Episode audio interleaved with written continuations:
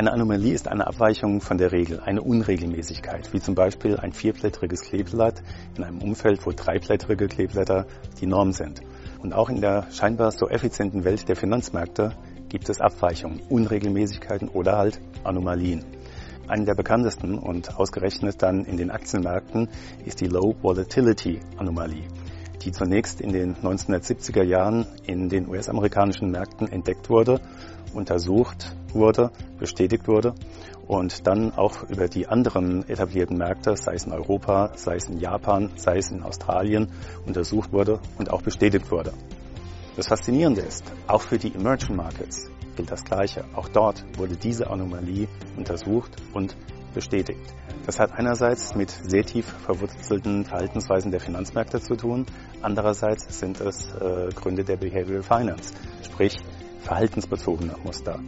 Und warum das Ganze sinnvoll ist und warum es sinnvoll ist, in eine solche Strategie zu investieren, das möchten wir Ihnen jetzt zeigen. Gerade in Abschwungsphasen hat die Strategie den volles Potenzial ausgespielt.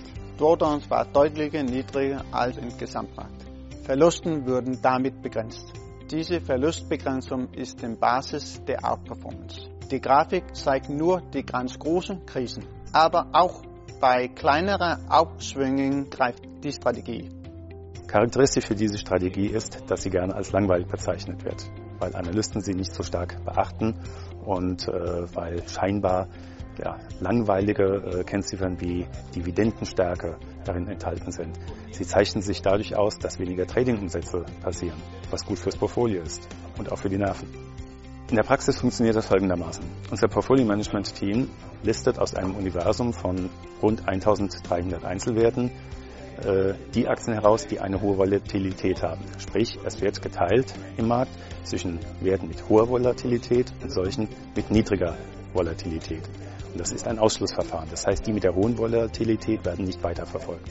Die mit der niedrigeren Volatilität, die werden weiter untersucht.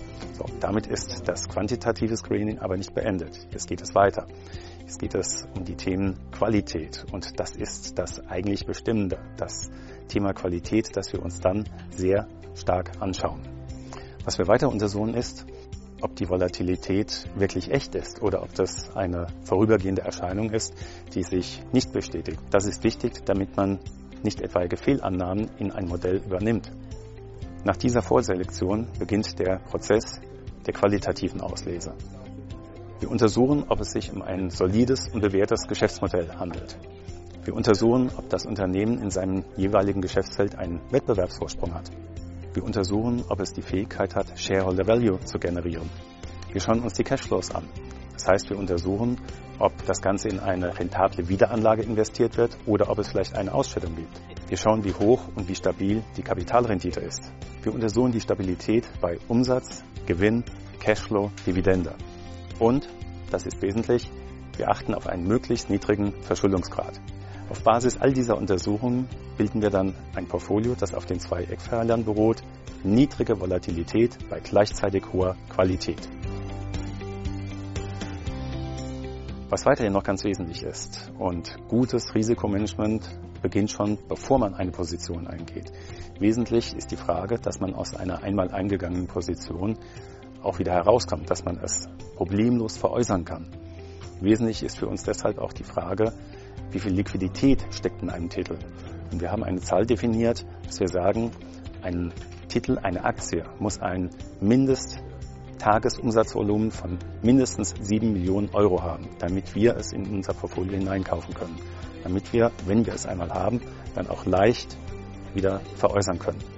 Im letzten Schritt bilden wir dann noch ein Ranking, in dem wir die Qualität deutlich mit 50 Prozent bewerten mit 35 Prozent bewerten wir den Value und mit 15 fließt das Momentum in die Bewertung ein. Auf Basis dieser Untersuchungen bilden die Portfolio Manager dann ein Portfolio, das zwischen 80 und 120 Einzelwerte zur Basis hat. Die Erwartung an ein solches Portfolio ist, dass es in etwa die Rendite des Gesamtaktienmarktes hat. Dabei aber ein deutlich niedrigeres Risiko, damit langfristig orientierte Anleger dabei bleiben können. An Aktieninvestments führt kein Weg vorbei. Natürlich muss ein Investor dabei, ob privat oder institutionell, auch immer die Schwankungen der Marktmärkte und die Risikoparameter im Auge behalten. Aber gerade in einem herausfordernden Marktumfeld ist es wichtig, dabei zu bleiben und sich nicht von den Aktieninvestments zu verabschieden, um danach den Zeitpunkt für den Wiedereinstieg zu verpassen. Mit unserer Equity Low Volatility Strategie möchten wir dieses Dabeibleiben ermöglichen. Mit weniger Risiko als der Gesamtmarkt, mit gleichzeitiger Wahrung der Chancen in den Aktienmärkten. Es ist ein konservativer Ansatz für langfristig orientierte Investoren, die in der Aktienanlage weniger Risiko bei gleichzeitig hoher Qualität und weiter Diversifikation suchen. Dass wir als dänische Bank auch ESG-Kriterien beachten, ist selbstverständlich, denn auch dies ist ein Qualitätsfaktor. Und unsere Strategie hat sich bewährt. Ein Fonds, der genau diese Strategie abbildet, wurde für die fünf letzten Jahre seiner Performance ausgezeichnet. Seit Start dieser Strategie haben Erstinvestoren rund 10% Rendite pro Jahr vereinnahmen können. Und das bei einem deutlich niedrigeren Risiko im Vergleich zum Beispiel zum MSCI All Countries World. Ein Index, den wir zwar nicht als Benchmark definiert haben, der aber in etwa unser Investitionsuniversum ganz gut abbildet. Es ist also eine Strategie, die auf Risikoreduktion basiert und dabei einen deutlichen Fokus auf Qualität hat. Das Beta, das zwischen 0,8 und 0,90 liegt, macht es deutlich.